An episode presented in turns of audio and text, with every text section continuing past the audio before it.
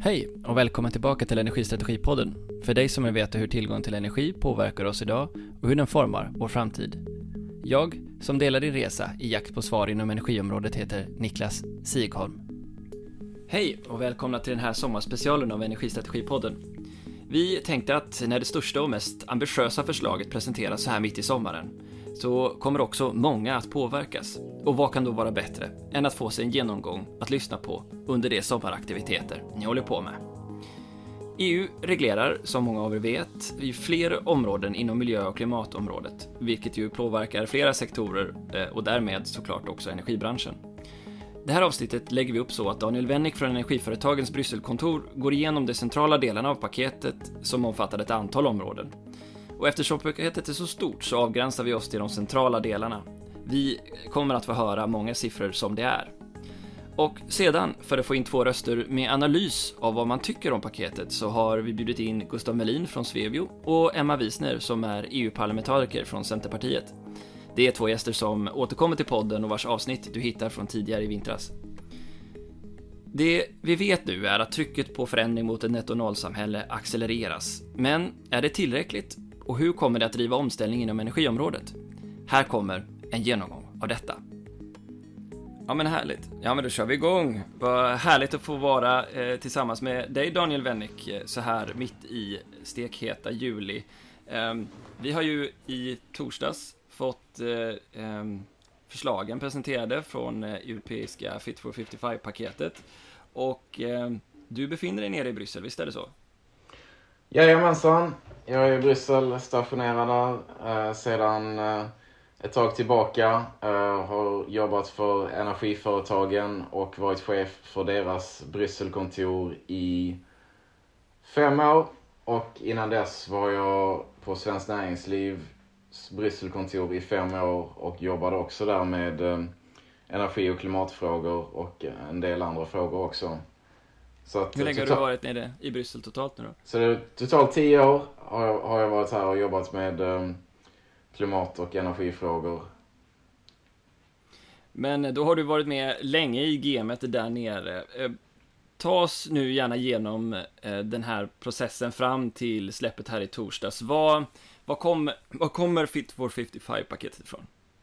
Jo, det kan man väl säga att eh, i samband med att den nya kommissionen blev vald eh, för två år sedan. Kommissionen väljs ju i eh, femårsperioder och eh, ordförande för kommissionen föreslås av Europeiska rådet eh, som också kallas för, för toppmötet där eh, statschefer och eh, statsministrar åker. Så det är det möte som Stefan Löfven är med på för, för tillfället. Och eh, de väljer ju en, en representant som sen ska godkännas av Europaparlamentet och sedan så välj, väljer då varje land en, en kommissionär. Så det är totalt 27 kommissionärer i Europeiska kommissionen. Men i den processen när ordförande för kommissionen eh, Ursula von der Leyen skulle bli vald så eh, la hon fram ett bud till, för att kunna bli vald till Europaparlamentet där hon sa att man skulle höja klimatmålet för EU till 2030 från 40 procent till 50 eller 55 i, på ett ansvarsfullt sätt. Hon sa först 50, men sen det uppstod lite oklarheter om Ursula von der Leyen skulle kunna bli vald av parlamentet, för hon måste ha godkännandet. Och för att sockra budet lite, för att få med några av de som var tveksamma, eh, framförallt från den socialdemokratiska och gröna gruppen, så sockrade, sockrade de budet och sa 55 eh, på, ett ansvarsfullt, eh, på ett ansvarsfullt sätt. Eh, och eh, Ursula von der Leyen kommer ju från den konservativa gruppen EPP som är den största gruppen. Så att hon var ju rätt säker på stöd därifrån och var tvungen att liksom hitta stöd från de andra grupperna. Så det är det som ligger bakom den processen och det löftet kan man säga att det, det höjdes. Sedan för eh, lite mindre än ett år sedan, i, september förra året, så kom då en kommunikation från kommissionen hur man då skulle göra för att, eh, och då, då pratar man om minst 55. Så redan där på ett år så hade det gått från 50, 55 på ett ansvarsfullt sätt till att man pratade om minst 55 eh, procent 2030. Den här positionen godkändes sen av även Europeiska rådet igen. Och sedan har det då också varit en process med en klimatlag som man tog fram. Eh, kommissionen tog fram förslag på i höstas. Eh, en klimatlag som då handlar om att EU ska bli klimatneutralt eh, 2050. Där finns också ett delmål för 2030. Och det delmålet innebär också att man landar på minst 55 2030. Så att det är lite bakgrunden till dagens paket. Ehm, då måste man ju gå igenom övrig lagstiftning också som är anpassad till det tidigare målet eh, som är på en, på en 40 procent.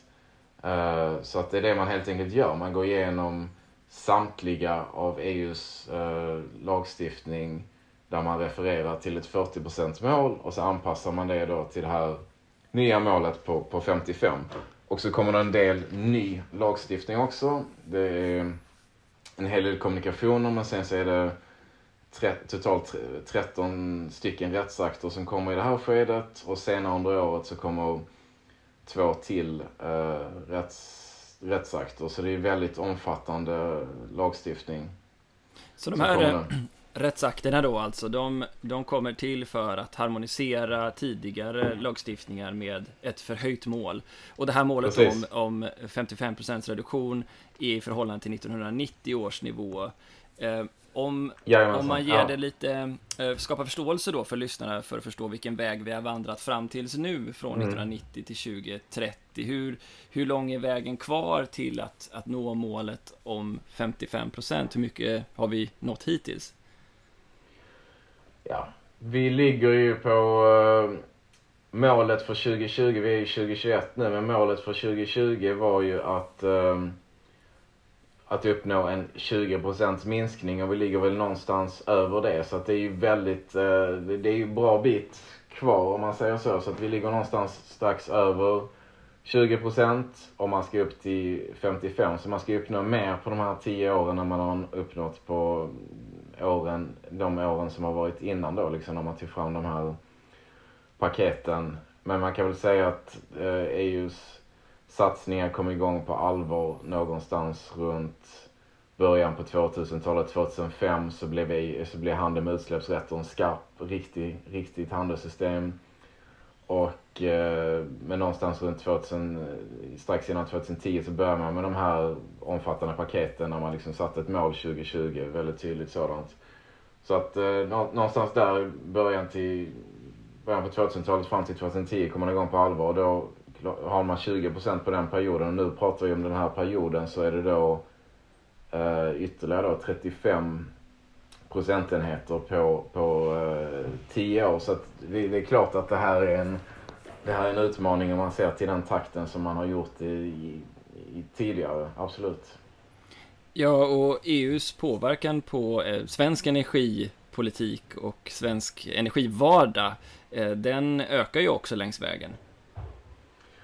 Absolut, och eh, det kan man väl säga är väl i separat process. Det är ju det så kallade Lissabonfördraget när man gjorde om EUs eh, reglerna för hur EU tar beslut. EUs eh, konstitution brukar det kallas för. Eh, har ju också beslutats eh, på vägen och den har gett Europaparlamentet avsevärt mer makt. Man kan säga så att EU har alltid haft, och Europaparlamentet har alltid haft stort inflytande just på energi och klimatområdet. För man har alltid bedömt liksom att om det är något område där det är bra att EU eh, tar gemensamma beslut så är det just energi, klimat och miljö. För de problemen är ofta gränsöverskridande och för att få en, den gemensamma marknaden att fungera på ett bra sätt så är det bra att ha gemensamma harmoniserade regler på, på miljöområdet. Så att, jag ska väl säga att just på vårt område har väl ändå EU alltid haft rätt mycket makt. Men sen så är det klart ska besluten tas också, lagstiftningen ska komma fram. Så även om makten har funnits där så tar det ett tag innan kanske man märker av vissa delar för att det har inte kommit förslag på, på lagstiftning kanske på vissa områden. Så att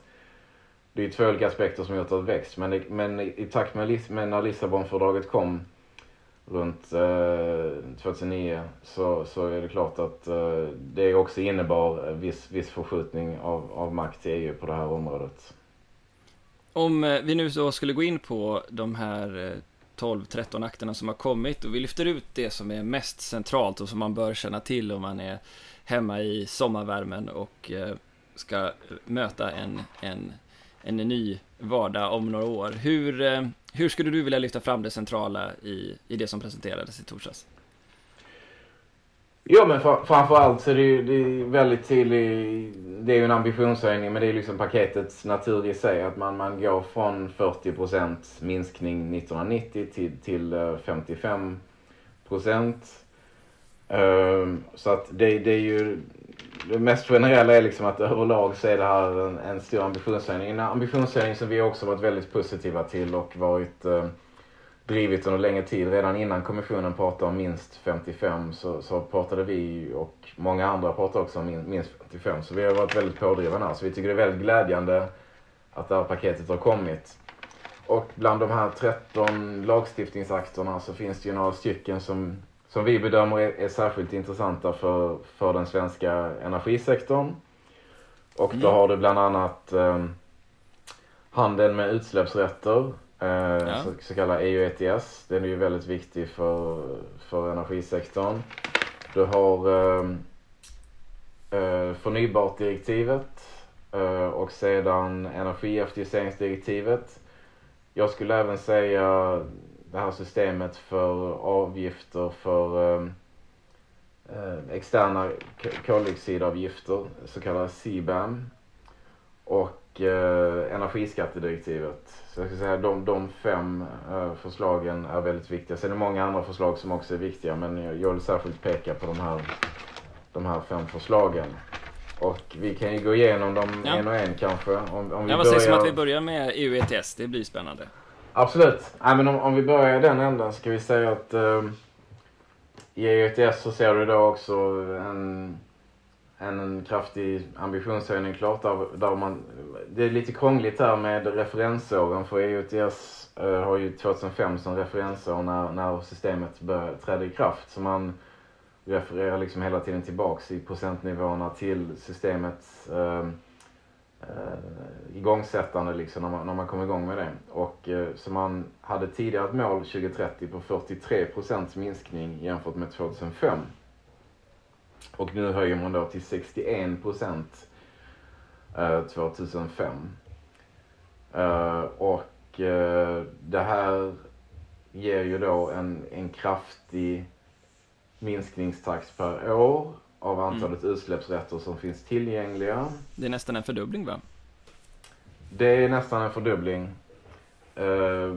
Jag vet inte om alla känner till hur det här systemet fungerar. Det är ganska komplicerat. Vi kanske ska gå igenom alla detaljer men i stort sett om man får en, kan man säga så att en utsläppsrätt är ett ton koldioxid och eh, där är en fördefinierad marknad då som ska krympa per år för att man då till slut ska ner i inga, inget ut, utsläpp alls. Så man börjar med kanske motsvarande 100%, alltså alla ut, koldioxidutsläppen som finns för de sekt, sektorerna som ingår. Och sen min, minskar man det med en viss procentsats per år och sen till slut så har man inga utsläppsrätter. Och några av de sektorerna som är täckta är ju de som släpper ut mest och fram tills nu så har det varit runt hälften av Europas koldioxidutsläpp som täcks in av EUTS. Så det här är ju, och det här är ju världens största handel för utsläppsrätter som vi har inom Europa. Och eh, en föregångare på det här området och många har ju sedan kopierat den här, det här systemet. Och Eh, de sektorerna som täcks då är ju bland annat energisektorn, det är skogen är täckt, gruvor, eh, stål och eh, kemiindustri, cement och andra sektorer som, som är energiintensiva så att säga, sektorer.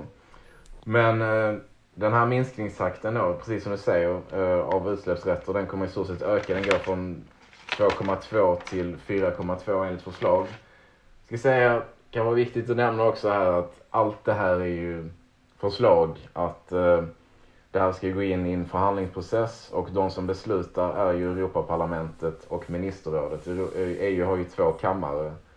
Eh, så de gemensamt kommer ju liksom eh, enas här om ett, något förslag och det kan ju bli har aldrig, aldrig hänt i, i EUs historia att ett förslag har blivit mindre ambitiöst efter att ha gått in i en sån här process men det kan eventuellt ligga kvar eller mest sannolikt bli något mer ambitiöst innan, innan det är klart.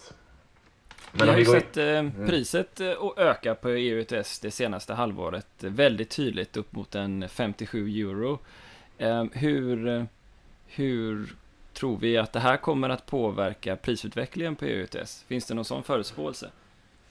Ja, men marknaden reagerar ju direkt negativt på det här eh, förslaget och priserna gick väl ner 5 euro. Jag har inte sett om det har återhämtat sig något men det sägs framförallt vara att man förväntade sig mer om, av MSR. Jag vet inte om man förväntade sig kanske skrivningar om som var tydliga gällande på vilket sätt man skulle annullera utsläppsrätter.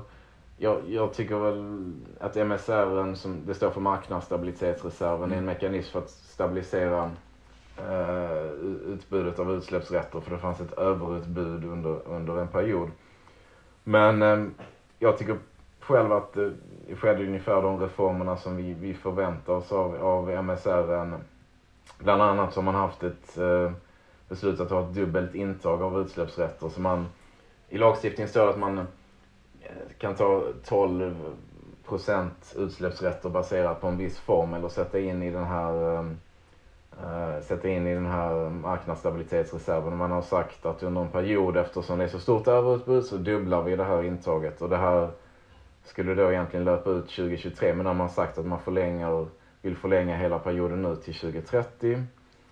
Så det är en sak om man har sagt också att minimiintaget höjs från man tar in mycket mer per år just nu men så småningom så kommer det bli mindre och mindre överutbud.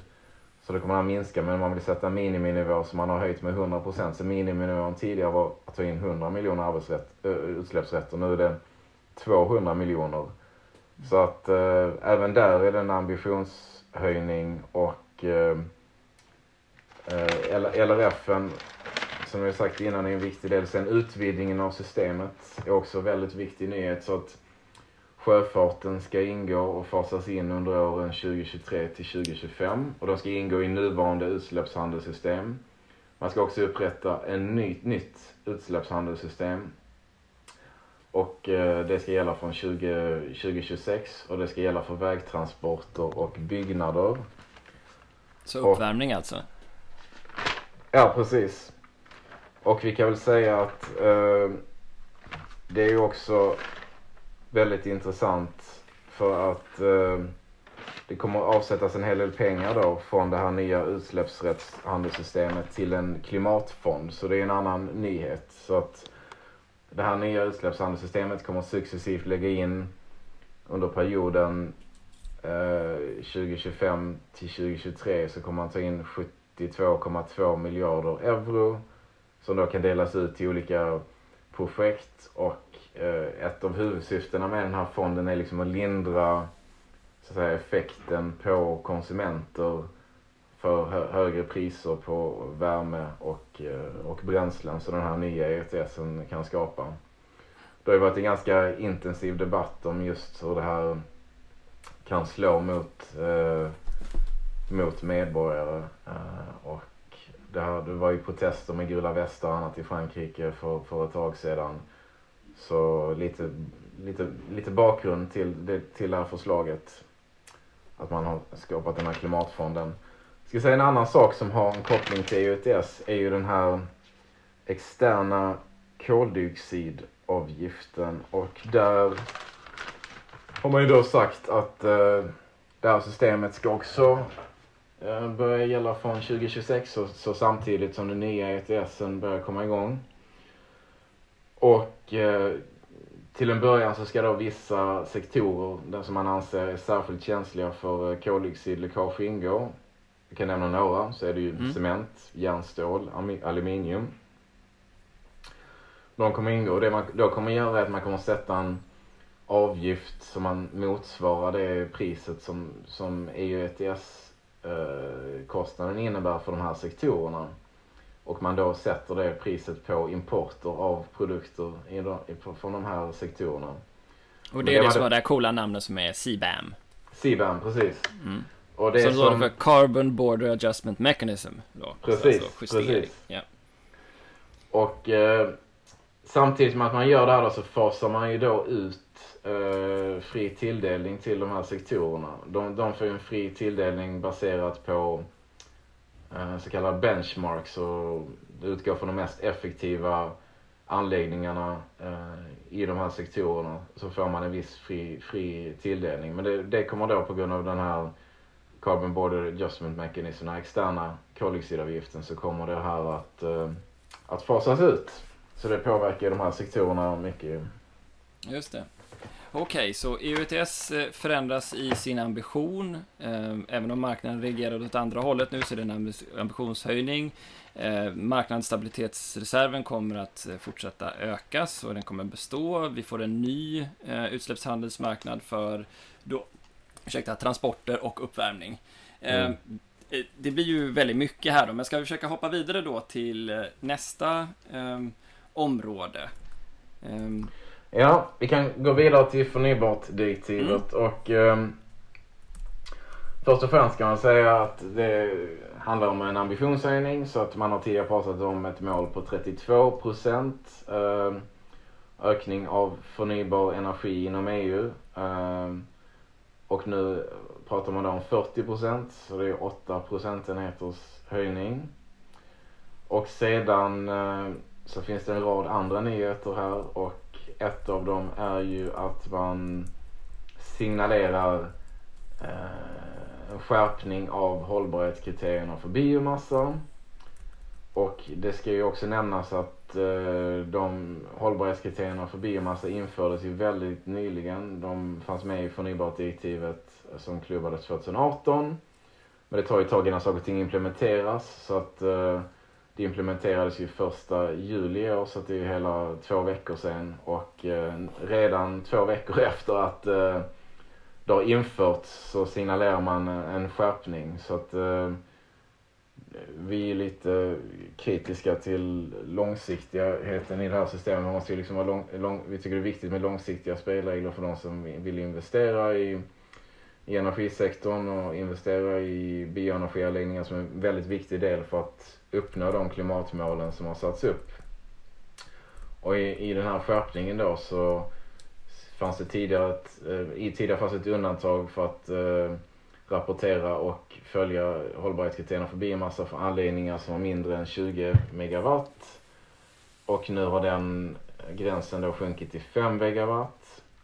Man kan ana en viss ehm, eh, effekt av diskussionerna om EUs taxonomiregelverk. Men där är ju gränsen så låg som 2 megawatt så att de har inte gått hela vägen ner till, till taxonomin. Men möjligen har diskussionerna om de här så att säga kriterierna för hållbar finansiering smittat av sig något ändå. Mm. Eh, sedan så har vi då en annat förslag som kommissionen pratar om, de kallar det för no-go zones. Så att vissa delar av skogen ska inte få användas för, eh, för eh, att producera energi. Och vi tycker väl att eh, det inte behövs. Så, så sker inte ändå. Du, du kan ju ha skog för energiavverkning men man tar inte bara vanlig skog och använder allting för, för energiavverkning utan det går ju till olika delar. Du har ju vissa segment som passar bättre för energiproduktion och vissa segment passar bättre och är helt enkelt för dyra för att använda för energiproduktion utan det kommer ju gå till att producera möbler och byggnader och annat. Så att eh, vi ser väl det här lite som ett slag i luften som mer eh, riskerar att eh, öka, öka administrationen här. Och sen så refererar man väldigt mycket till kaskadanvändning och det är någonting som innebär att man ska liksom först använda produkter för, för eh, saker och ting som är skapar högsta mer förädlingsvärdet. Först, högsta mm. förädlingsvärde som då är dyrare. Så att där kaskadanvändningen kommer egentligen av sig själv. För att det är klart att man säljer ju till de som bjuder högst. Så att eh, vi tycker väl också li, att inte riktigt det här är, är, nödvändigt att få in den här principen på alla möjliga områden. För att den, den finns redan, ekonomin skapar den principen av, av sig själv. Men sedan så ser vi också en, en höjd ambition här för fjärrvärme och den tycker vi är väldigt bra, liksom att man vill öka andelen bioenergi i fjärrvärmen. Där finns ju väldigt mycket att göra i Europa. Ehm, men Sverige har ju väl, nått väldigt långt och ehm, har eh, klimatvänlig fjärrvärme redan. Så att eh, den, det gäller ju mest resten av, eh, resten av Europa men vi tycker ändå det är viktigt givetvis och, och stöder till fullo liksom den här, den här höjda ambitionen för förnybar fjärrvärme. Ja, det finns väldigt många detaljer om jag förstår det rätt i, eh, i det här förnybart-direktivet nu som också ska nämnas kanske kallas för RED 2 i andra sammanhang. Um, är det, är, vi, vi kommer komma in på några av de här detaljerna också, de kan tänkas slå mot branschen lite senare här i programmet, men är, är det någonting särskilt i förnybarhetsdirektivet som, som du skulle säga är, är, är oroväckande? Jag skulle säga det här, i det här läget så är det framförallt de grejerna som jag redan har nämnt som då kopplar till biomassa. Så det är liksom den här hållbar, skärpningen av hållbarhetskriterierna, no-go-zones och kaskadanvändning. Eh, det vi har sett än så länge på fjärrvärme, vi kommer återkomma med djuplodade analyser men det som i ett inledande skede eh, tycker det finns anledning att ge oro är, är egentligen på, på bio, bioenergiområdet. Mm. Ja men eh, grymt, tack för det. Eh, om vi då tittar på energieffektiviseringsdirektivet, eh, vad innehöll eh, det? Energieffektiviseringsdirektivet eh, innehöll, ska jag säga, framförallt två, tre delar då. Det är det här, ehm, eller två, två delar ska jag säga innan framförallt två delar. Det är ambitionshöjningen från, från 32,5 eh, procents minskning eh, eller ökning av energieffektiviseringen till runt 36 eller 39 beroende på. Eh, det målet är omdefinierat på ett sätt som gör att man vet inte exakt var, var ehm, den slutliga ehm, minskningen av energianvändningen landar. Men ehm, så det, det, det är ju viktigt i sig, den här ambitionshöjningen. Och sedan så har du en annan grej som många har tryckt på. Det är ju då att man har ehm, förtydligat en artikel som, som tidigare gällde att 3% av offentliga byggnader eh, skulle renoveras för att uppnå den minsta möjliga då, energistandarden som gällde vid tillfället. Den har uppdaterats till att 3% av offentliga byggnader ska renoveras för att uppnå nearly zero energy buildings. Så att de ska vara väldigt energieffektiva byggnader. Så att eh, jag skulle säga i så här inledande analyser så ska jag säga att det är egentligen mindre fokus på energieffektiviseringsdirektivet än det var tidigare. Det står i början av energieffektiviseringsdirektivet att det är liksom energy efficiency first principle. Men mycket tyder på att klimatfrågan här har, har ju växt i betydelse och det är betydligt mer fokus på förändringar i EU ETS och saker kopplat till klimatet som man inför till och med CBAM, en klimatfond, utvidgar EU ETS, mycket fokus på ETS. En hel del fokus på förnybart eh, fortfarande men desto mindre fokus på en energieffektivisering även om man pratar om energy efficiency first. Mm. Så i den här inledande analysen så har inte, har inte vi så mycket mer på energieffektivisering men eh, för att återkomma om det, men det finns ett annat lagstiftningsförslag som också är väldigt viktigt för den här sektorn och det är energiskattedirektivet. Och jag ska väl kanske också säga i den här fortsatta processen så eh, krävs ju enhällighet för att eh, energiskattedirektivet ska ska gå igenom. Och det mm. har gjort att man har ju tidigare misslyckats här. Uh, så att uh, energiskattedirektivet har inte uppdaterats på väldigt, väldigt lång tid. Och det ska ju krävas en hel del för att man ska uppnå enhällighet här. Och eh, det gör ju egentligen att alla medlemsländer, alla medlemsländers invändningar måste ju tas med. Så att det, det, det är väldigt stor skillnad eh, på den här processen och på övriga eh, processer. Så att det, det är ju också någonting att komma ihåg. Men generellt då, så energiskattedirektivet behöver väldigt stor enighet i parlamentet. Hur ser processen ut nu från att de här förslagen läggs från kommissionen till det att de vinner laga kraft? Jo, men det ser ut som så att eh, ska vi säga att det är en process på runt två år. Det kan ibland gå snabbare. Det kan också absolut ta längre tid. Men eh, kan man säga som en generell princip att ungefär två år in, innan man blir klar här och eh, det ska ju godkännas, de flesta förslagen ska ju godkännas av Europaparlamentet och, eh, och ministerrådet. Eh, inte energiskattedirektivet, det är bara ministerrådet och enhällighet. I övrigt så är det liksom en ren majoritet som ska stå bakom bara i ministerrådet och, eh, och Europaparlamentet. Uh, Europaparlamentet väljer en rapportör som är ansvarig för lagstiftningsförslaget. Den rapportören har ju en väldigt viktig roll. Uh, de bestämmer när man ska gå till utskottet och få stöd, för det har ju olika utskott i parlamentet. Och uh, i det här fallet så kommer det vara antingen miljöutskottet eller ITRE som är energiforskning och, och telekomutskottet som som kommer ansvara för lagstiftningsförslagen och ibland så är det gemensamt. För i ETS så brukar vissa delar hamna i ITRE och vissa handlar i miljöutskottet.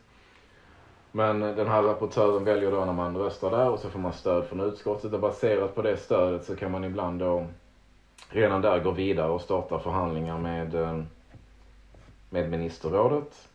Men om de inte är särskilt eniga i utskottet så brukar man gå till en omröstning i, i plenum eh, där alla parlamentarikerna får säga sitt innan man går och förhandlar med ministerrådet för att vara säker på att inte förslaget faller sen.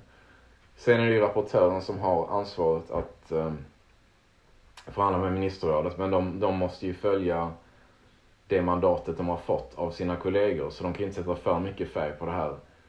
Men i slutändan så brukar det vara så här sista minuten-uppgörelser. Det är klart att man som rapportör kan välja vissa saker som man trycker mer på än annat i sådana här sista minuten-uppgörelser. Så man kan ju ändå på det viset liksom färga, färga förslaget lite som rapportör. Så det är en väldigt viktig roll av många anledningar. Och på ministerrådssidan så är det liknande process. Man har arbetsgrupper eh, för miljö, man har en arbetsgrupp för, för TTE som är rådet för telekom, transport och energi. Och i de här arbetsgrupperna då som där svenska regeringens representanter i de här frågorna och experter sitter med så tar man då fram positioner. De positionerna godkänns sen på EU-ambassadörsnivå. EU-ambassadörerna är liksom cheferna för de utländska representationerna i Bryssel. De godkänner förslaget som sedan går vidare till förhandling med, med eh, parlamentet och representanten där är ju ordförandelandet. Ordförandeskapet är roterande. Och det kan väl vara lite intressant att nämna att Sverige då innehar ordförandeskapet första halvan av 2023.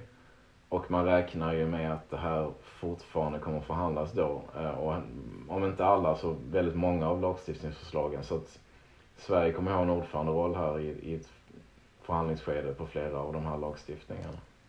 Så generellt sett två år eh, med lite mm. olika förutsättningar. Finns det några delar av det här paketet som bara kommissionen hanterar? Det finns det i så fall i, dele, i, det i så fall i delegerade akter och sen så är det ju också så att eh, kommissionen har ju eh, beslutande rätt, eller de har kompetensen ska jag säga, de har kompetensen på just handelsfrågor. Och det är ju en kompetens som de inte alltid utnyttjar fullt ut. Så att ibland så kan det vara så att EUs lagstiftning går längre än kommissionen är beredd att använda den.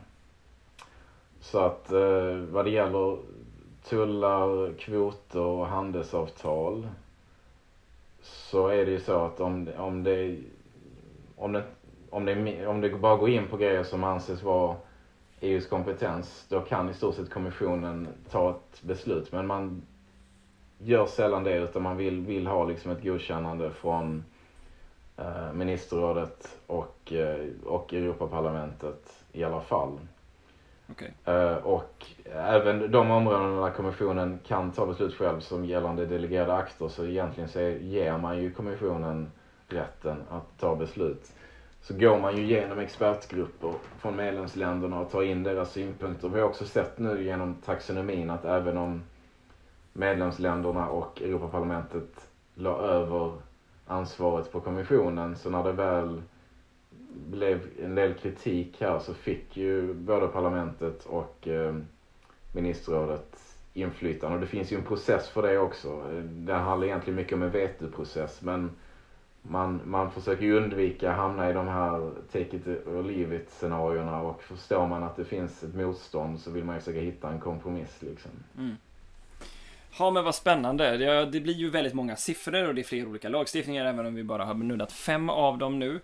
Eh, så då tänkte jag att vi kan släppa in eh, Gustav Melin nu då, VD för, för Svebio och höra hur ni har resonerat och vad ni har sett. Och eh, om vi skulle skifta lite på ordningen av det vi har pratat med Daniel här om och istället hoppar rakt in på förnybart-direktivet som ju Eh, till stor del också påverkar bioenergibranschen. Vad är det ni eh, reagerar på och har sett i det förslaget som har kommit?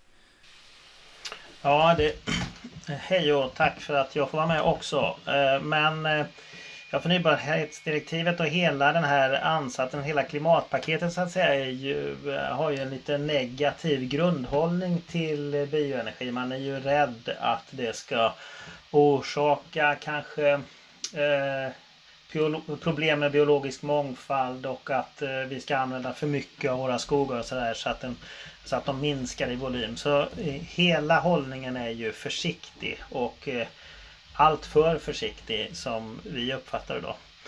Och eh, som ni var inne på så är det ju till exempel att eh, mycket mindre anläggningar ner till 5 megawatt ska Eh, redovisa att de följer hållbarhetskriterier och det har ju vi visat i Bioenergy Europe att det behövs egentligen inte därför att de importerar inte bioenergi som regel utan de köper ju bioenergi väldigt lokalt och det är den lokala skogslagstiftningen i landet och så som styr hela det uttaget av biobränslen. Så de, det är ingen risk att använda den eh, biobränslen i de mindre anläggningarna. Medan man behöver ha bättre koll på stora anläggningar då över 20 megawatt som eh, ibland importerar och tar med båt och från andra regioner och andra länder som det är viktigt att man har liksom en koll på. Eh, så det gör det ju dyrt för små anläggningar. Eh, då. Eh, sen så har vi ju också sett att man eh, man säger att biobränslen eh, inte får plockas ifrån vissa ytor. Man använder en lagstiftning som gäller för jordbruksmark. Att, eh, och då handlar det om avskogning av skog med hög biodiversitet för att sen göra jordbruksmark och därifrån ta biodrivmedel. Det finns en sån lagstiftning. Nu hänvisar man till den när det gäller all, allt biobränsleuttag. Och det innebär ju egentligen att man inte får ta biobränsle från en skog med hög biologisk mångfald. Och vi vill väl ändå hävda att en stor del av den svenska skogen har en bra biologisk mångfald. Och i princip då så står det ju att om tjänstemännen på Länsstyrelsen så tolkar det så, så står det att vi får inte ta biobränsle från sån skog med hög biologisk mångfald som vi skördar idag.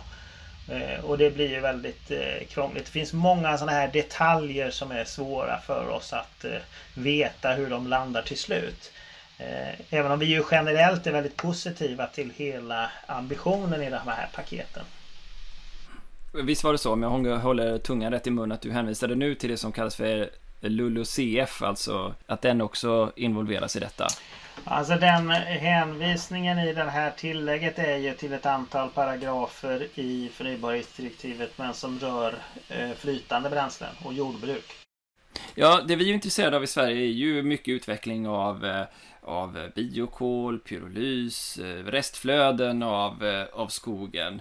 Hur, med tanke på vilken diskussion det har varit om taxonomin och hur man får använda skogen, hur har det kommit fram i de här eh, akterna som nu presenteras?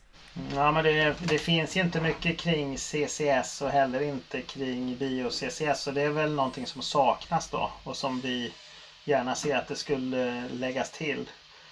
Eh, och dessutom så som vi är inne på med den här till exempel eh, eh kolskattetullen eller CBAM då som vi var inne på att det, det läggs ju ganska långt fram i tiden i och med att det ska börja 2026 och så sen så implementeras under en tioårsperiod. Eh, så att det är ju ganska avlägset även om vi tycker generellt att det är kanske en bra tanke men att det är väldigt svårt att genomföra på ett praktiskt vis. Så vi får väl se om det överhuvudtaget blir någonting med hela det paketet. Kommer det här att påverka tillgången till biobränslen? På något sätt? Ja, men det gör det. Alltså om de här negativa förslagen går igenom, vilket jag väl kanske tror att många av dem inte gör. Eh, eftersom det ska diskuteras under en så pass lång period och det är ologiskt att eh, införa många av de här kraven. Eh, så, så jag, tror, jag tror nog inte att det kommer att ha riktigt den effekten som det riskerar att eh, se ut att få nu då. Så jag tycker man kan vara mer positiv än, än vad man blir när man läser texterna. Eh, och det känner vi väl generellt att en del av det allra mest negativa som har funnits i diskussionen eh, håller ändå på att fasas ut. Eh, den här kaskadanvändningen då eh, det är ju en sån diskussion om att använda stamved och så här som vi behöver ta och som vi ändå har väldigt goda argument för att klara av. Eh, eh, men det som är lite svårt i den tycker jag är ju den här prioriteringen för återvinning eller eh, reuse och recirculation som ofta är alltså som egentligen miljömässigt inte är, är klok. Utan för ett dyrt sätt att återvända kanske material som kan komma från byggindustrin. Alltså lite förorenat trä eller, eller sånt här som man då ska återvända och göra nya byggmaterial från.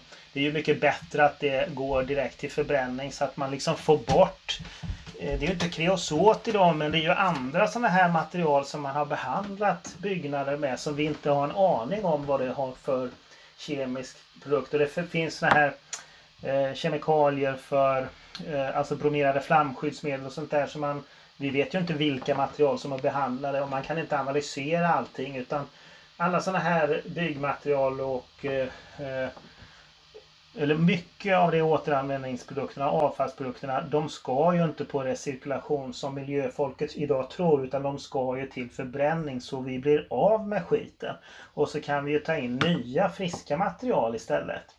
Det, det blir ju mycket bättre hälsa av det. Det är jag helt övertygad om. Och det går aldrig att hinna med och analysera alla de olika typer av organiska föreningar och substanser och kemikalier och så här som vi har använt över tid och som finns i material. Och, men det, här är liksom majoriteten av svenska befolkningen och europeiska befolkningen tror ju att det är jättebra att återanvända allting och att det är energieffektivt och sånt där. Men det är det ju inte utan det är ofta krångligt helt enkelt. Så visst ska man återanvända eh, mineraler och eh, alla typer av stål och alltså olika mangan kanske. Alla sådana här olika typer av ämnen. Det behövs ju återanvändas men inte, inte träråvarorna. Det tror jag inte på helt enkelt. Hur är det, mm, hur är det med beskattning av konventionella biobränslen? Finns det mer saker eh, kring det här också? Det var ju någonting som ingen har sagt men som vi upptäckte igår då att eh, det finns ett förslag i energiskattedirektivet att införa skatt på fasta biobränslen på 0,45 euro per gigajoule. Och det blir ju ungefär 1,6 euro per megawattimmar Och en megawattimme i Sverige flisbränsle kanske kostar i snitt 20 euro. Så att det blir ju 8 procent om det är rätt tal. Men en relativt eh, hög extra beskattning. Och det är väl okej okay med att ha beskattning på biobränsle också. Men det är ju förutsatt att, man, att det finns en jämbördig beskattning mellan olika typer av eh, biobränslen och olika typer av andra energislag, även el och vätgas och sånt där. El finns det ju rätt mycket skatter på så att det kanske man inte ska klaga över. Men, men eh, det får man ju bevaka huruvida det är ett klokt sätt att gå fram eller inte. Eh, här finns förslaget då att man precis som eh, i förnybarhetsdirektivet med den här gränsen med 5 megawatt att man skulle ha den här beskattningen över 5 megawatt och inte under. Och det, det blir ju väldigt knepigt att, eh, att man då ska behöva anpassa anläggningarna kommer det ju att bli. För det blir ju alltid så, det har vi ju sett i alla typer av system, att man anpassar sin anläggning till att slippa beskattningen då. Eh, och sen har vi också sett att det, det verkar vara så att man lägger en ganska tuff beskattning på konventionella biodrivmedel, alltså biodrivmedel från åkermark. Medan man inte har beskattning på avancerade biodrivmedel som görs med av trä, träråvaror och sånt där. Och det är ju till ingen nytta för klimatet att bete sig på det viset. Utan det är ju den här generella negativa attityden till biodrivmedel överhuvudtaget får man nog säga som har slagit igenom där också. Så kommer de sakerna, det blir väl svårt att få enighet om, skulle jag tippa, om det ska vara med energiskattedirektivet om man ska lyckas med den här förändringen. Annars är vi ju jättenöjda med att man när det gäller biodrivmedel eller drivmedel också har ändrat förslaget som det var när man försökte ändra energiskattedirektivet förra gången att man då ska beskatta per energienhet istället för per volym. För idag är det ju så att etanol till exempel måste ju ha samma skatt, eller det har samma skatt per liter som bensin trots att vi bara har 65% energimängd på en liter etanol i förhållande till bensin. Då. Och det, borde ju anpassas till energiinnehållet såklart.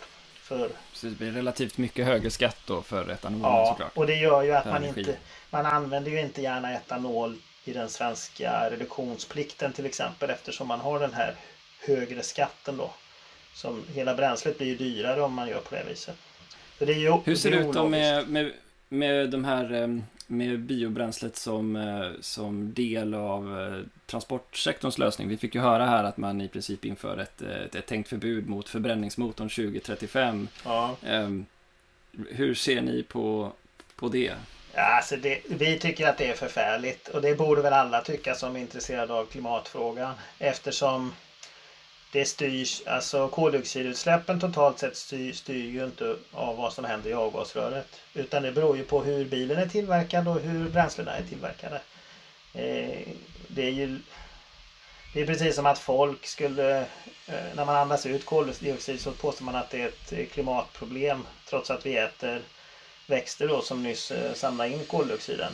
Och så är det ju inte, det är ju samma sak i en motor såklart. Men eh, Eh, det är väl bra då att man ändå har skjutit fram den så pass långt i tiden. Och vad vi förstod så tog det tre dagar och, och eh, diskutera det här nu på slutet. Jag läste en artikel i Politico där de kommenterade just den här frågan och sa att den här var ju inte kommissionärerna överens om. Eh, och sen så körde Timmerman över de andra. Ett, åtminstone en tredjedel av kommissionärerna var negativa till det här förslaget. Så att eh, det råder nog ganska stor oenighet och jag tror att det också kan få följdverkningar i framtiden att han betedde sig på det här viset nu då. Men vi, det är ju bara skvaller så att det vet jag inte. Men det är ju alla... Som en avslutande kommentar kring det här paketet då, skulle du, vad skulle du ge det för betyg eller för omdöme? För att vara EU då så tycker jag väl ändå att det är ett ganska bra eh, betyg. Eftersom Eh, man ändå växlar över så pass mycket till carbon pricing. Eh, koldioxidavgifter. Och det är ju det, det, är ju det absolut starkaste eh, metoden, de bästa metoden. Det har vi ju kämpat för länge på Svebio. Och, ja, ända sedan det infördes i Sverige 91 så har ju vi drivit just den här koldioxidskattefrågan. Vi publicerar ju särskilda papper på det. Så att det tycker jag är jättebra. Samtidigt så är jag lite bekymrad över att man eh, har kon verkar konstruera det så här att man lägger eh, elproduktion och sen vissa transporter i det ena paketet och sen det här nya ETS med uppvärmning och sen biltransporterna i den. Transporter och uppvärmning av el har ju helt olika kostnader så det är relativt billigt att åtgärda uppvärmning framförallt men också relativt billigt att åtgärda el. Det kostar sådär 50-60 euro per ton som vi har nu eller 50 öre per kilo. Medan man måste ge nästan upp mot 3 kronor per kilo för att åtgärda transporterna för att få en förändring där. Då borde man ju hellre egentligen ha låtit det nya ETS vara alla transporter medan uppvärmningen hamnade i i elsystemet eller med industrin som vi har nu. Det hade varit mycket mer, då hade man hjälpt industrin lite grann. Medans man, man nu blir det ju krokben på industrin och samtidigt som det blir krokben för förändringarna på transportsidan. Då. Det är, ju, det, jag, så det är svårt att förstå argumenten bakom varför man gör så här. För det, för det hjälper ju inte klimatarbetet faktiskt. Men det får vi väl utreda kanske. Ja du, det, det kommer bli många spännande efterföljningar av det här. Eh, jag har fler frågor att ställa dig, jag hoppas få återkomma till dem. Tack så hemskt mycket för att eh, du tog dig tid att vara med här på den här sommardelen av Energistrategipodden. Ja, tack, det var roligt. Ha det bra. I april i år hade jag ett samtal med Emma Wiesner, EU-parlamentariker från Centerpartiet om de då kommande förslagen från kommissionen, som nu alltså presenterats. Nu ringer vi upp henne för att höra hur väl det matchar hennes förväntningar och vad som borde gjorts annorlunda, enligt henne. Hej Emma Wiesner, eh, välkommen tillbaka till Energistrategipodden. Ja men tack. Den här veckan har varit eh, intensiv kan jag tänka mig för dig med eh, lanseringen av Fit for 55-paketet. Ge oss ditt perspektiv, vad är, vad är din take på, på ambitionen? Ja, det här är ju lugn, minst sagt varit den, den mest hektiska veckan som jag upplevt då som Europaparlamentariker sedan jag flög ner här Eh, för, för fem månader sedan, snart sex månader sedan. Ehm, det här är ett rekordstort paket. Eh, det är inget snack om saken att det är rekordstort. Eh, blev det så rekordambitiöst som jag hade hoppats? Nej, inte riktigt. Det, det finns mycket spännande i paketet och många intressanta delar men jag är nog lite besviken på, på vissa av dem. Framförallt vad gäller bioenergin, målsättningen för förnybart och industrins utsläpp. Men det är väl mm. det vi kan ska zooma in mm. lite på. Um, exakt. Eh, men jag vet att just eh, målsättningen för förnyelsebart är något som du har pratat mycket om. Berätta lite grann, vad är din position där och vad är det du tycker det brister? Ja, men jag, nuvarande mål är ju 32% förnybart till 2030. Det skulle man höja. Nu hade man chans att visa att man tror på teknikoptimism och eh, teknisk utveckling. Eh, jag tycker att man hade kunnat tagit i rejält och faktiskt höjt målet till 50% förnybart i, i energisektorn. Nu vart det 40%. Eh, 8 procentenheters höjning. Det, det tycker jag väl inte är sådär rekordambitiöst kanske. Mm. Vi har också hört här tidigare att eh, den här höjningen från eh, 40 till 55 procents reduktion jämfört med 1990 eh, innebär en, en ganska brant kurva för oss från nu fram till 2030. Tror du det som har presenterats i det här åtgärdspaketet klarar av att möta de kraven på reduktion fram till 2030 så som det är tänkt? Ja, och det är ju det man har utgått från i kommissionen, att jag tittar på vad måste vi skruva på för att vi ska nå 55. Så att paketet som helhet ska ju ta oss dit. Sen är jag kritisk till några verktygen. Jag ser till exempel att vi fortfarande har utsläppsrabatter och fri tilldelning till industrin. Eh, vi fortfarande kompenserar industri för indirekta effekter eh, och annat. Ehm, där hade man kunnat gått, gått ännu snabbare eh, tillväga principen är ju att förorenaren ska betala och när vi då ger utsläppsrabatter och betalar dem som, som förorenar så, så liksom går det direkt mot grundprincipen med utsläppshandeln. Så mm. den här fria tilldelningen av utsläppsrabatterna tycker jag, mm. där hade vi liksom för att verkligen nå det här 55 kunnat gått ännu snabbare fram. Påminn oss, varför finns den fria tilldelningen inom ramen för EU ETS och utsläppshandelssystemet? Det är ju för att eh, industrin ser en risk i, eller det finns en, en reell risk i att om det är dyrt att släppa ut i Europa, varför ska vi lägga fabriken i Europa? Låt oss då lägga fabriken utanför Europa och så importera in varorna istället. Eh, och det kallas för koldioxidläckage. Och det har man då eh, bemött med att ja, men de branscher som har hög risk för koldioxidläckage, eh, alltså att man, man är flexibel och kan producera någon annanstans. En gruva är ju väldigt oflexibel, den kan ju inte flytta och röra på sig för att fyndigheterna finns på plats. Men men en ståltillverkare till exempel. De branscherna eh, får då fri tilldelning och då får man antingen 100% eller 80% fri tilldelning. Man får i princip sina utsläpp gratis. Så att, eh, det, det, blir ju eh, märkligt ur, ur ett ideologiskt perspektiv eller teoretiskt då. Varför, varför ska förorenaren betala fast den betalar med pengar som vi redan har gett dem? Det blir väldigt, väldigt, väldigt märkligt. Vi ser också att då Eh, som Arctic Paper i, i Grycksbo-fallet, eh, det som nu går till EU-domstol där man eh, har fått fri tilldelning, sen har man gjort utsläppsminskningar och blivit förnybara och helt plötsligt har man inga utsläpp, då går man miste om den här fria tilldelningen. Man går miste om utbetalningen. Eh, och det blir ju väldigt eh, upp och nervända världen. eh, att man straffas då, eller man får minskade intäkter eh, för att man har blivit bättre på att inte släppa ut. Mm. Eh, så att fri tilldelning stör marknadssystemet mm. i handels, eller handelssystemet med utsläppsrätter. Vad tycker du då om CBAM? Hur, hur ser du att det kan hjälpa till att lösa det här?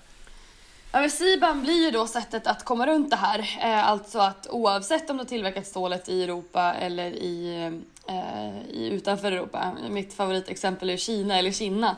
Oavsett vart du har lagt fabriken så ska du betala. Eh, så att då vid gräns då när du importerar stål så får du betala då motsvarande vad de hade gjort i Europa och på så sätt skulle man då komma runt det här koldioxidläckaget. Och det här är då en mekanism för att bli av med den fria tilldelningen och faktiskt få ett system där förorenaren betalar. Eh, så jag är väldigt, väldigt positiv till det. Sen såklart ska det inte användas som ett handelskrigsinstrument eh, eller en tull eller på något sätt utan det här är ett klimatverktyg och det är väldigt viktigt att det följer handelsreglerna, WTO-reglerna för, för handel. Ehm, men det som jag är mest eh, besviken på är ju att man börjar inte införa eh, CBAM, eller snarare man börjar inte utfasningen av fria fria tilldelning förrän 2026. Eh, och det tycker jag känns väldigt oambitiöst. Innan gick man, i de läckor vi såg, så gick man mycket hårdare åt de här utsläppsrabatterna och fria tilldelningen eh, i utsläppshandeln. Nu avvaktar man och väntar fram till 2026 innan Tanken är om du har liksom två grafer där CBAM fasas in eh, och, och, grafen går uppåt och då skulle fria tilldelningen samtidigt fasas ut och gå neråt. Eh, men den liksom, utfasningsmekaniken eh, byggs inte in förrän 2026. Vad tycker du annars då om eh, den nya utformningen av EU ETS och den nya eh, marknaden som ska eh, inrättas? Ja, men EUTS är ju mitt favoritsystem och nu har jag också blivit förhandlare för utsläppshandeln för den liberala gruppen. Eh, enormt spännande eh, ska det bli. Så det är såklart att jag, jag tycker massor om det här eh, nya paketet. och jag brukar liksom tänka på det i två, två ben, två pelare. Eh, där det första är vad gör man för att skärpa åt nuvarande ETS? Eh, och det man gör där är att titta på den eh, linjära reduktionsfaktorn, det ska alltså LRFen. Och där, där så har man tidigare haft 2,2 procent som då utsläppsminskningar sker med varje år. Nu blir det istället 4,2 procent. Och det säger sig självt. Börjar vi på en hög, hög nivå ska ner till en låg nivå Eh, så är det ju liksom en, en linjär minskning däremellan. Eh, nu börjar vi på en hög nivå och ska in på en ännu lägre nivå. Då måste vi ha en brantare lutning på, på reduktionskurvan. Så det, det är en sån konkret grej som man föreslår. Jag tycker vi ska se över den ytterligare ett snäpp för att se eh, om det verkligen tar oss, om, om det verkligen eh, sker så snabbt som, som vi kan. Eh, dessutom tittar man på hela utsläppstaket, alltså bulken av utsläppsrätter och gör en engångsminskning, man skär bort en bit. Eh, så att inte bara, man kan jämföra med en ost att eh, den linjära reduktionsfaktorn är att vi osthyvlar en bit av antalet utsläppsrätter varje år. Men det som man börjar med nu med nya utsläppshandeln är att man också skär bort en, en rejäl bit och använder kniven innan vi går in på med en osthyvel med bredare, som skär bredare skivor. Det är en sån grej man gör för nuvarande systemet. Eh, och dessutom så tittar man på det som går in i marknadsreserven, alltså antalet utsläppsrätter som, som plockas bort. Det är väldigt bra. Så att man gör ganska många mekanismer kring det. Det är väldigt tekniskt mm. så, men det som har varit nytt och spexigt och har nått eh, nyhetsrubrikerna det är ju snarare så den, det andra benet. Eh, de nya sektorer som plockas in. Eh, för inte bara tittar man på befintliga anläggningar utan man tittar också på eh, på, på hur kan vi utvidga systemet. Och det här skiljer sig väldigt mycket från när utsläppshandeln eh, eller justerades förra gången. För att förra, förra revisionen då var det ett ofungerande system. Alltså det var, funkade väldigt dåligt. Vi hade Priset låg på 5 euro per ton. Det var ett dåligt system. Och man var tvungen att göra justeringar för att få upp eh, priset på koldioxid. Nu är det tvärtom. Nu har vi ett välfungerande system. Vi är uppe på 57 euro per ton. Eh, och då istället sneglar man, okej okay, men hur kan vi expandera det här välfungerande systemet? Så det är lite olika ingångsvärden och det är därför då man nu den här omgången har kunnat plocka in fler och fler sektorer och har argument till varför fler sektorer ska in. Så det, då är det flyget, som har varit med sedan 2012 eh, men som haft undantag. Eh, man har 85% gratis utsläppsrätter idag. Där ska man gå hårdare åt och det ska helt bort. Flyget ska betala för sina utsläpp. Eh, väldigt, väldigt bra. Sjöfarten har inte alls funnits med tidigare. Det plockar man in i systemet. Eh, eh dessutom då bostäder och transportsektor. Eh, och de utsläppen går in då i ett separat, eh, en separat marknadsplats. Samma ETS-regelverk eh, men en separat eh, budgivning och det kommer bli ett eget pris på transport av bostäder enligt förslaget. Men det har varit väldigt kontroversiellt och i Europaparlamentet är man väldigt splittrade kring den här frågan med eh, transport av bostäder. Mm. Så det låter på dig som att du ger det ett, eh, liksom det, det är en bra grundansats men ambitionen ifrågasätter om den är tillräckligt hög eller inte. Förstår jag det rätt då? Ja, precis. Det finns delar i det här som jag tycker att man hade kunnat gå ännu hårdare åt. Eh, och det är egentligen små delar men som tillsammans, eh, tillsammans skulle göra en mycket, mycket bättre handelssystem. Ehm, det är bland annat att eh, avfallsförbränningar inte avfallsförbränningsanläggningar inte är med i handelssystemet, bara i vissa länder. Eh, man har liksom frivilligt kunnat plocka in dem, så att Sverige är ju avfallsförbränningen med i handelssystemet, men så är det inte i resten av Europa, utan det är bara ett fåtal länder som har gjort det. Där borde man harmonisera. Eh, det handlar om den här fria tilldelningen, hur fort man fasar ut den eh, och sen det här med kompensation av indirekta effekter att man tillåter vissa länder att kompensera sin industri. Återigen då ge en liksom, utsläppsrabatt eller återbetalning skulle man kunna säga. Lite som så här, kundklubben och medlemskap. Ja, men nu har ni så här, behövt betala för era utsläpp, stackars er. Här får ni en återbetalningssumma eh, på grund av att ni har hög elanvändning eh, och använder el som, som har fått högre utsläpp. Det, det indirekta effekter kan vi prata om jätte... Men det handlar ju om att vi har mm. marginalprissättning mm. och att eh, förbrukare som använder mycket el får betala för marginalen trots att man själva då kanske tycker att man köper in vattenkraftsel. Varför ska jag betala för utsläppsrätterna på, kol, på kolkraft? Och så får man då utbetalningar av, av medlemsstaterna. I det våras när vi, när vi pratades ja. vid så nämnde du också en förhoppning om att få med CCS. Hur gick det med det? Ja, det har ju inte gått bra.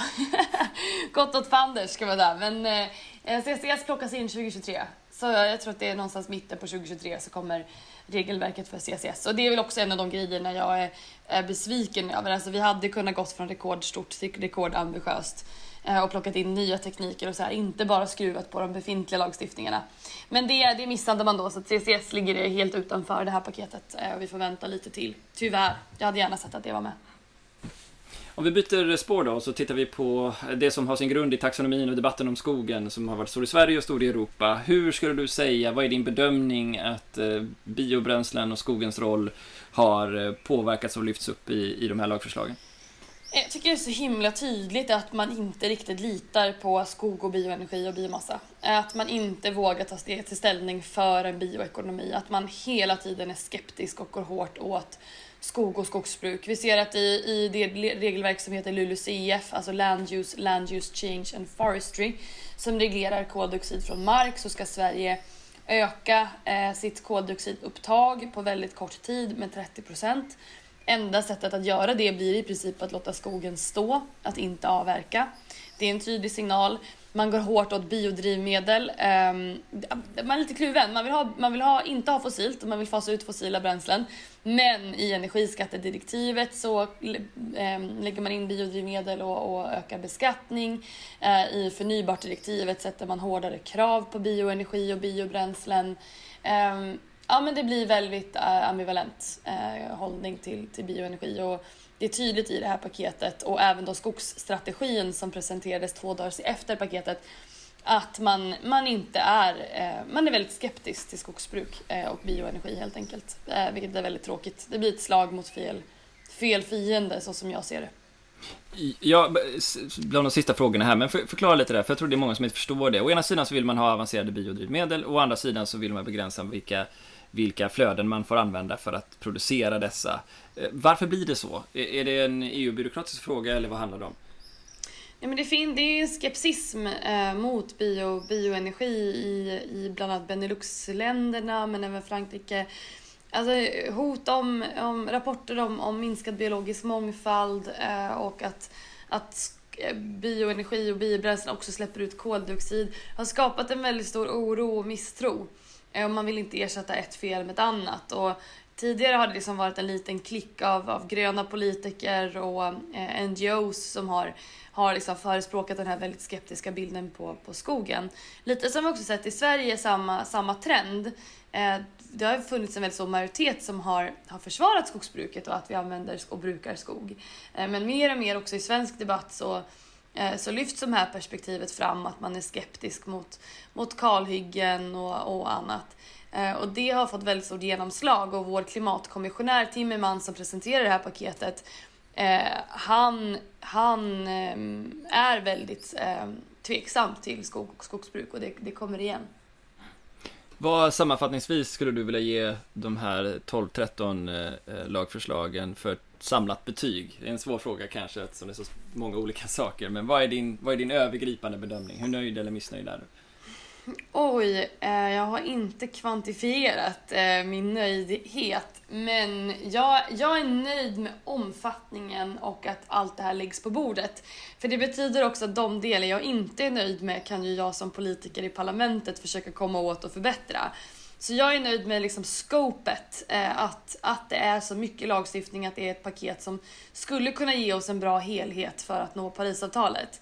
Eh, men sen är det såklart att innehållet och detaljer är jag ju eh, inte alltid nöjd med. Och, och det vore ju kanske konstigt om det var eh, om jag var helt nöjd med allt. Så att, eh, ja, både, både och.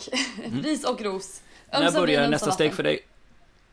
Ja, när eh, börjar nu, nästa steg för er då? Är det höst? Nu stänger faktiskt parlamentet ner. Eh, ja. Så att nu är det parlamentet nedstängt och sen då öppnar vi upp första veckan i september. Så att då är det bara att kavla upp ärmarna och börja köra. Eh, och det kommer bli intensivt. Taxonomin sker också samtidigt, förhandlingarna kring den och sådär. Så det kommer vara en intensiv höst som väntar och, och mycket klimat och miljöpolitik. Grymt, vad spännande. Vi ser fram emot det. Tack så hemskt mycket för att du tog dig tid att vara med på Energistrategipodden.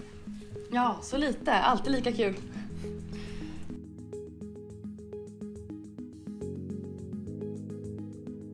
Hoppas du hade glädje av den här korta genomgången. Nu är det bara för mig och oss på Sigolm att önska en fortsatt skön sommar. Och så hörs vi igen när hösten kommer igång. För det kommer vara ytterligare en spännande höst med mycket åsikter och många nyheter. Vi hörs!